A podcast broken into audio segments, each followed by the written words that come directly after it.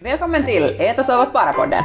En podd som finns till för att inspirera och göra privatekonomi och sparande roligt. Jag heter Ronja. Och jag heter Ida. Nu kör vi! Hej och välkomna till Ät och sova spara-podden. Idag har vi en gäst med i studion och det är Jenny Nyman, Sisuja Sijoitus. Välkommen tillbaka till Ät och sova spara-podden. Den länge önskade och väntade Jenny Nyman. Hon är här igen. Return, return, return. Hejsan, tack för att jag får vara här igen. Kiva att du är med oss. Hej, det, där, det har kommit jättemycket önskningar om mera bostad, bostadssnack även till Äta, sova, spara-podden. Äh, vi har inte pratat så hemskt mycket bostäder här nu på de senaste två säsongerna, typ, ish. Um, och det där, och vi tänkte att det kanske skulle vara dags igen, och det där, vi tyckte att du var liksom bästa personen att komma in här och, och, och, prata bostäder med oss. Vad heter det? Jag tror att ganska många säkert vet lite redan hur du har börjat, eftersom du har varit en gång tidigare här och, och berättat att du har hållit på med, med flippar och allt sånt här. Men hur står det till idag? Vad håller Jenny Nyman på med för tillfälle? Ja, jag håller på med allt möjligt. Men uh, jag har nog tagit stora framsteg inom uh, bostadsinvesteringen och, och det där eh, mitt, det som jag liksom mest håller på med nu är inte mera flippa, utan jag söker helt andra dealer. Vad var det som fick dig att, att vad heter det, gå åt andra håll? Jag menar, du tänker som så att, att du har ju gjort helt sjukt snygga flipplägenheter och du har ju också Neljötohtori som du också sådär renoverar åt andra och har ett bra öga. Vad var det som fick dig att börja tänka på att okej, okay, att finns det också någonting annat här som man kan göra då? No, det var nog största orsaken är nog helt enkelt det att det växer med en. Att man börjar ju så ofta, många som kanske inte har börjat ännu eller börjar som tänker nu att det låter jättelångt ifrån vad man håller på med i dagens läge. Men jag började med att köpa liksom en lägenhet och jag hade liksom alla pengar fast i den ena lägenheten och jag fixade den och jag sålde den. Och så blev det lite mera pengar över och så kunde man gå liksom framåt hela tiden. Och medan man går framåt och lär sig och läser och och tar reda på saker så kommer det nya möjligheter emot som man inte tänkte att man kunde ens ha möjlighet att uh, gå, gå liksom så långt inom bostadsinvestering. Så det är nog det som har gjort att, att det har liksom ändrat. Är det också sådär då att intresse kanske lite ändrar också, tänker jag? Åtminstone för mig har det varit som så att man kanske man börjar med någonting för man tror att det är det enda som finns och sen blir man ju intresserad på vägen och, och börjar fråga frågor. Ja, det är ju det. Och sen blir man kanske lite trött på att göra samma sak hela tiden. Utan man vill ju hitta nytt för att det ska vara spännande och roligt och obekvämt. Vad heter det? Nu har du också hyreslägenheter. Så Yes. hur känns det också nu då att vara hyresvärd på heltid? Uh, jättebra. Det, det känns som för att uh, förr var det ju så att när jag sålde min lägenhet så hade jag ju ingenting för stunden. Pengar visserligen på kontot men, men det blev där. Så nu är det ändå skönt att det ändå hela tiden man vet att man har någonting. Så att pengarna liksom är fiffigt placerade. Och uh, jag har ju visserligen haft också tidigare hyreslägenheter men det har varit liksom uh, kortvarsliga hyresgäster. Det har varit Airbnb och en gång sen så här lång, långtidsuthyrd lägenhet plus att jag har köpt en lägenhet i tiden som var uthyrd men jag sa nog upp uh, det kontraktet genast. Då köpte du väl den också, var inte så att tanken var ju att du skulle renovera då också, typ Ja. så här, att det var liksom målmedvetet köp så att säga. Ja, och hon, så, hon som bodde där, så hon hade bott där i 17 år och hon rökte fortfarande inne, så jag tänkte att desto snabbare jag får ut henne, desto bättre. Nå, här nu när du har gjort de här renoveringarna så kan jag tänka mig att du har just säkert sett sån här trökecampen är liksom något av det äckligaste att egentligen börja renovera. Uh, är det något annat sånt här spännande som du har sett på vägen här nu då, uh, när det kommer till, till renoveringar och, och lägenheter? Jag har nog sett ganska mycket. Jag har köpt dödsbon där, det, där jag alltså vet att någon har dött där inne och jag vet att eh, personen i fråga inte blev hittad genast.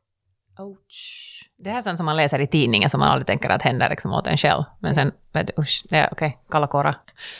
Vad heter Men det? det, jag fick ju den billigt, jag menar. Ja, det var bra deal. Ja. Ja. Och det är det enda som räknas. Det är ju det enda som räknas. Det är ju det enda som syns på kontot sen. Exakt.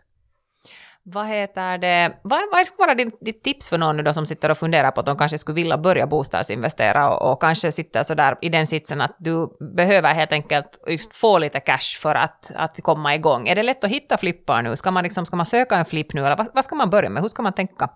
Jag måste nog säga helt ärligt att för tillfället så har jag inte liksom sökt flippar så hemskt aktivt. Att det kom en emot, men uh, banken kom inte emot. Det kan också gå så ibland. ja.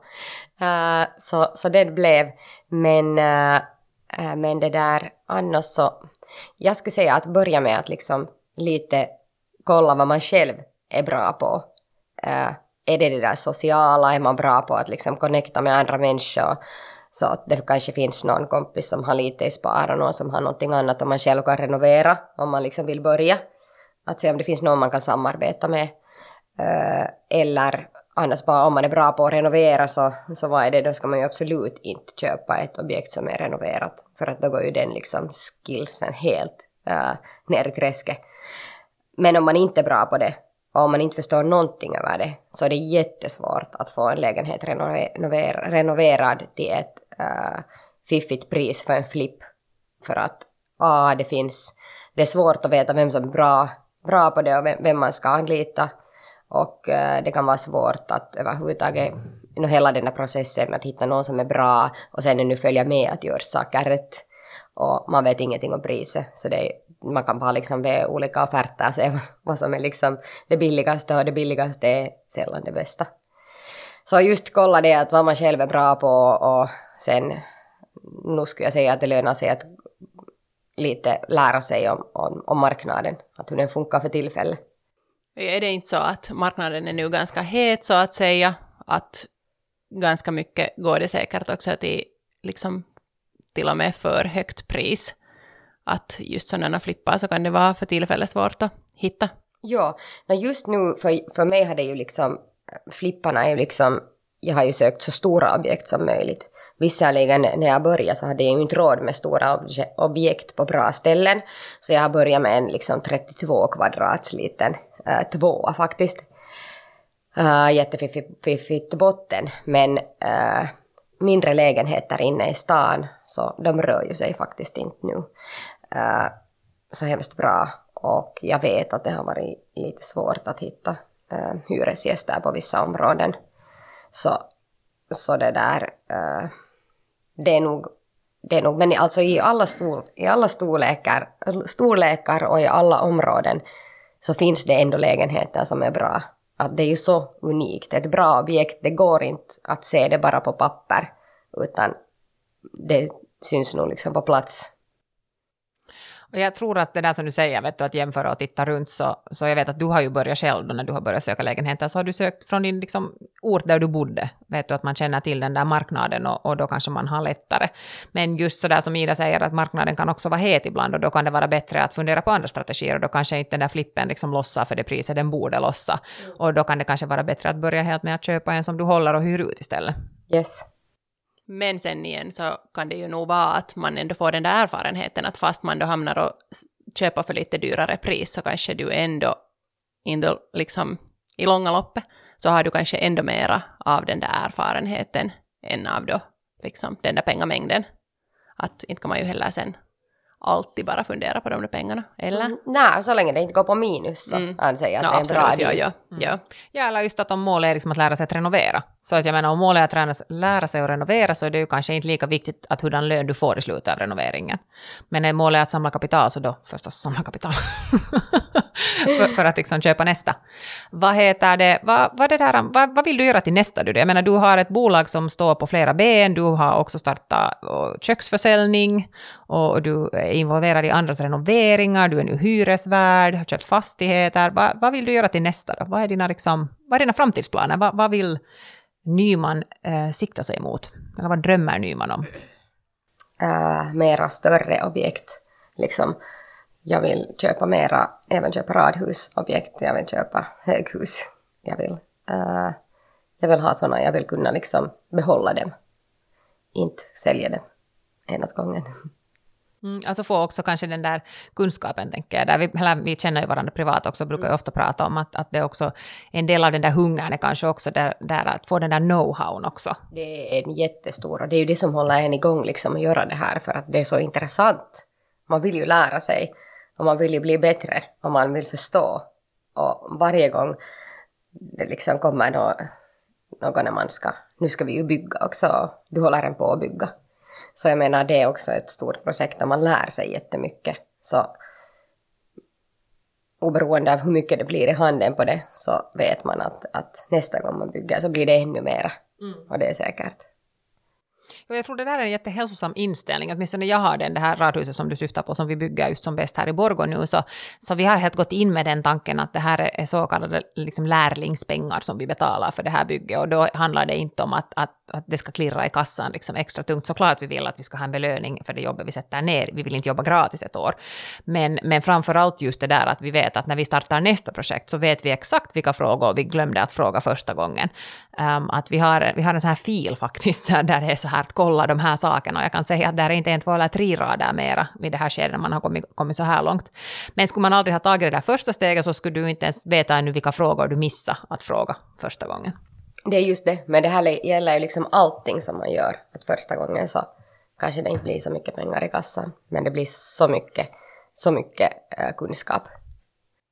Vad skulle du säga att är de där, liksom, dina, dina styrkor i det du har gjort hittills? Vad är, vilka liksom, egenskaper är det som har fört dig dit du är idag? För jag tänker att, att du är en inspiration för många eftersom du, vet du då faktiskt har lärt dig sakerna från grunden, du leder projekt, du renoverar, du förstår liksom helheter. Men vilka liksom, vad är de där egenskaperna som har fört dig dit du är, som har tagit dig dit du är? Jag tänker att om någon där hemma sitter nu och funderar att okej, okay, jag vill också göra det här, men vänta, att, att har jag det i mig? Så kanske man kan hitta liksom några så här igenkänningsfaktorer, att okej, okay, antingen så, så är man ju bara liksom stendum och ser inte riskerna. Eller så är man bara supermodig. Men jag skulle bara säga något till nummer två. Att jag är ju sådär att, att jag är... Alltså många tänker ju att, att Jesus vad hon är modig, att hon vågar göra det ena och det andra så här. Men att jag ser det inte så, utan jag känner bara sådär att okej, okay, det här är nog kanske lite skrämmande men jag, jag, gör det nu, jag, jag gör det nu ändå så ser jag hur det går. Att knappast kan det nu vara så svårt. så kanske det, jag vet inte, det kommer nog, det är mycket, mycket energi finns det ju i mig, så jag är liksom färdig på att sätta ner tid, att ta reda på, att lära mig. Och jag är inte rädd för att ta i telefonen och ringa någon och fråga, utan jag ringer ju runt åt människor dagligen Ibland, hur många gånger kan jag ringa dig? Jag vet inte, men hemma hos oss är det sådär, är det Nyman? Det är den där första frågan jag får nu för tiden, så det beskriver även situationen, situationen ganska bra. Älskar dig Johan. så det är den frågan han ställer mig. Vad heter det, har du några speciella rutiner då som hjälper dig? Som, som gör att du hinner och orkar med det du gör, eller har någonting som för dig framåt. Jag, jag skulle själv kunna Klockan. säga... Ja, alltså, ja, men jag skulle kanske säga att det som åtminstone jag lyfter hatten åt är att du är ju liksom uppe tidigt du. Jag menar, du får ju liksom extra timmar på dygnet som vi andra använder till att snarka ännu. Uh, att, att, när vi liksom, andra människor stiger upp klockan sju så då har du jobbat redan två timmar och, och ritat kök och sånt. Men, men det där, varifrån kommer det? Är det, någon, är det ett medvetet val eller är du bara morgonpigg då? Jag är bara morgonpigg. Jag tror inte, eller jag vet man, man, kan, man kan ju liksom svänga på sin rytm, men äh, är man morgonpigg som jag så min hjärna arbetar och bearbetar information mest, äh, den bearbetar information på kvällen, så att när jag vaknar nästa morgon, så under min natt när jag har sovit, så har min hjärna förstått liksom processera det som jag har tänkt på på kvällen. Och på morgonen så sätter jag liksom full gång i och jag börjar göra det som jag har funderat på på kvällen. Och jag har liksom inga problem att göra det då. Jag liksom från fem till, till nio så kan jag få mera gjort än, än någon annan kan få ibland på en vecka. Ja, det här är varför det är jätteroligt att gå på någon seminarium och dela hotellrum med Jenny. Det här där att hon stiger upp fem. Det är alltid jättemysigt. Men, det där, men, men som sagt, alltså jag är avundsjuk på det där för att jag tycker själv att, att jag är också en morgonpigg människa, men sen har jag kanske inte fått in det liksom i mina egna rutiner. Att jag har fått sådär att, att familjen liksom förstår det här, att okej, okay, nu går jag och stänger in mig, okej, okay, vi har inte ett kontor som jag kan stänga dörren för tillfället, men, men just att utnyttja dygnets alla timmar, för nu tror jag att det är ju det som företagande i synnerhet mycket handlar om, eller om du vill bli bra på någonting så måste du ta tid för det. Om inte du tar tid för det så då kommer inte du få det gjort heller och då blir det inte liksom av. Mm. Och, och då sitter du där på samma situation som du var tre veckor tidigare när du hade bestämt att du skulle faktiskt lära dig det här eller bli, bli bra på det här eller få det här gjort. Mm. Så nu är det ju liksom en point i det där att, att ha den där tiden, att du vet att du har varje morgon x antal timmar för de här sakerna. Yep. No, vad, vad har varit de största utmaningarna då på din väg? No, alltså nu är det säkert en av de, de, som, de liksom största är ju såklart banken. Inte för det, jag har ju fått lån, men eh, i början så jag hade inte sagt upp mig från mitt, nu är jag ju företagare Och det var jag tidigare också, men jag hade varit mammaledig och jag hade inte sagt upp mig från mitt, uh, vad heter det? An- fastanställning. Fastanställda, mm. ja, arbetsplats som var då uh, statsägt. Uh, så det där, banken brydde ju sig inte om att jag fick lön från mitt eget företag och uh, mera lön än jag lyfte äh, som anställd. Utan de brydde sig bara över det att jag hade en fast anställning. Så det var ju den som liksom förde mig vidare, så jag konstaterar ju att jag tänker ju inte säga upp mig. Att det är ju det, det, är ju det dummaste jag kan göra. Så på det, det, på det sättet fick jag liksom länge lån, men sen när jag blev sådär heltidsföretagare, så då blev det svårare för att äh, företaget var ännu nytt och det behövs en, äh, ett bokslut för att kunna få lån som företagare. Banken vill se det. Så även om det gick bra för företaget och bra för en själv så kunde banken ändå vara sådär, säga nej. Så det var ju inte, det, det var en av de största. Och sen i allmänhet så, en renovering går ju aldrig så som man har tänkt. Så jag menar, sådana hade ju kommit emot diverse olika saker i olika lägenheter som man inte har räknat med. Men jag har lärt mig att räkna ganska mycket extra i renoveringarna färdigt. Det här är något som jag tror att människor inte förstår när du ber en offert på en renovering. Så tycker de att åh, vad det här var liksom typ luft eller, eller liksom mm. dyrt. Men det är ju just det där som en entreprenör måste ha i beaktande, att du vet aldrig vad där finns bakom de där skåpen när du river bort, eller hela golvet snett exempelvis. Och, mm. och, och, då är det ju liksom att ska du ge ett pris som du sen faktiskt ska hålla, mm. så, så måste du liksom se till att där finns den där luftmöjligheten i det där priset, så att man helt enkelt kan kan lova att man kommer att göra det här fast det skulle komma en eller två små överraskningar emot. Ja, eller så måste man bara helt enkelt utesluta uh, vissa jobb ur offerten. Mm. Ja, och just, mm. ja, precis tillägga sådana ja. saker. Vad heter det, no, vad det där, vad tänker du själv sådär som att, att vara företagare inom, inom byggbranschen så att säga och kvinna? Uh, har, har du stött på några liksom, fördomar eller någonting sånt här där eller, eller har det varit klart som korvspad? Mm, det har det nog absolut inte varit. Det har nog, det händer nog och det hörs nog och det, och det, det där snackas nog. Men det där, uh, det är ju inte så ofta som jag, jag kan liksom tala med uh, samarbetspartners, uh, leverantörer, det ena och det andra. Och jag har talat med dem flera gånger men ingen har, har liksom någonsin förstått, förstått förstått att det verkligen, eller ens tänkt att det verkligen är jag som har startat och äger bolaget och fungerar som dess VD. Så det är ofta sånt som kommer lite som en chock. Och jag går ju inte omkring heller hela tiden i, i arbetskläder. Så när man ser mig på, på byggen så kan det se lite speciellt ut. Ja, och jag tror att det där är någonting som det är ganska synd egentligen. Jag var själv på en sån konferens här för, för några veckor sedan och, och, så var det en, en vad ska jag säga, 45-årig man som, som frågade mig också att vad jag jobbar med. Och, och så var jag bara så att, att jag är liksom real estate investor, att jag investerar alltså i fastigheter och, och det där. Och så var han bara så att, ah, så du jobbar alltså på något bolag som det där han köper fastigheter, liksom att vad heter det bolaget då? Att, att det är ju roligt liksom att du är anställd där. Så var jag bara, nej, alltså jag äger det där bolaget som investerar i de här fastigheterna. Och den där liksom blicken jag fick därifrån, det var en sån här vet du, jord som var mitt i framlamporna på en bil och bara, vet du, inte visste överhuvudtaget hur man skulle reagera. Och jag tycker att det är jättesorgligt det här. Att det, att det ska vara så där att man måste liksom bevisa sig själv två gånger hårdare. Eller typ att du då måste komma klädd i dina byggkläder för att någon ska liksom ta dig på allvar. Och, och liksom inse att okej, okay, det är hon som är arbetsledare här. Ja. Att det, är nog, det är någonting som jag hoppas att blir en förändring på. Nu har ju du och jag och, och Ida, vi har alla pojkar, så vi kan ju inte säga sådär att vi ändrar liksom för nästa generation, för att våra, våra pojkar högst antagligen har det lättare i den här saken. Men men jag hoppas att det, att det liksom sker en förändring här och, och det inte liksom anses som någonting udda eller speciellt. Ja, det där med att bevisa sig liksom två gånger, så det är ju nog hårdare, eh, det är ju nog som kvinna är det. Men jag har kanske inte sen, jag vet inte, det har varit det här liksom corona-året, så jag har inte äh, haft så mycket sådana liksom ställen där jag ska ha mött nya människor som inte vet vad jag håller på med. Men äh, jag vet inte ens om, om min mamma vet vad jag gör egentligen. Nej, alltså sådär. Det, det, är så, uh, det är så mycket. Jag har ju alltid liksom hundra järn i elden att, att ibland är sådär, köper du radhus eller köper du höghus eller köper du lägenhet eller gör du bara renoveringar eller vad håller du nu riktigt på med? Nå, allt. Mm. Ja, och jag menar, och, vet du, ja, alltså tiden visar och tiden för framåt, men vi hoppas ju liksom att det, att det liksom ändrar. Men ja, det där känner jag nog igen, att alla kanske omkring en inte riktigt alltid vet vad man gör. Och, och kanske det att man inte heller alltid känner behovet att behöva förklara åt alla heller vad man gör på ett sätt. Vet du, att det händer så mycket som, som vi sa här tidigare, att vet du, ja, livet ändrar, målen ändrar, vet du, vad man gör ändrar. Så, så det där, det är en Allt helhet. ändrar, de växer liksom med en.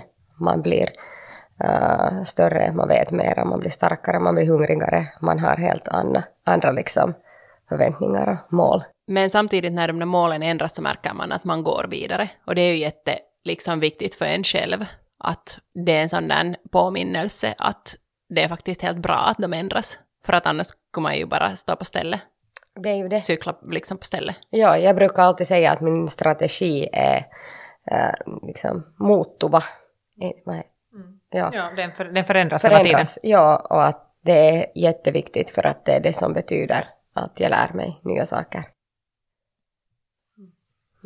Hej, hör du, tusen tack tänker jag att du kom hit, för jag tycker att det här har varit helt superinspirerande att få, att få höra liksom mer om din resa och vart du har kommit. Nu minns jag inte exakt när det var som, som du var med i vår podd senast, nu är det säkert två år sedan kanske. Ett och ett halvt åtminstone. Ja. Typ något sånt.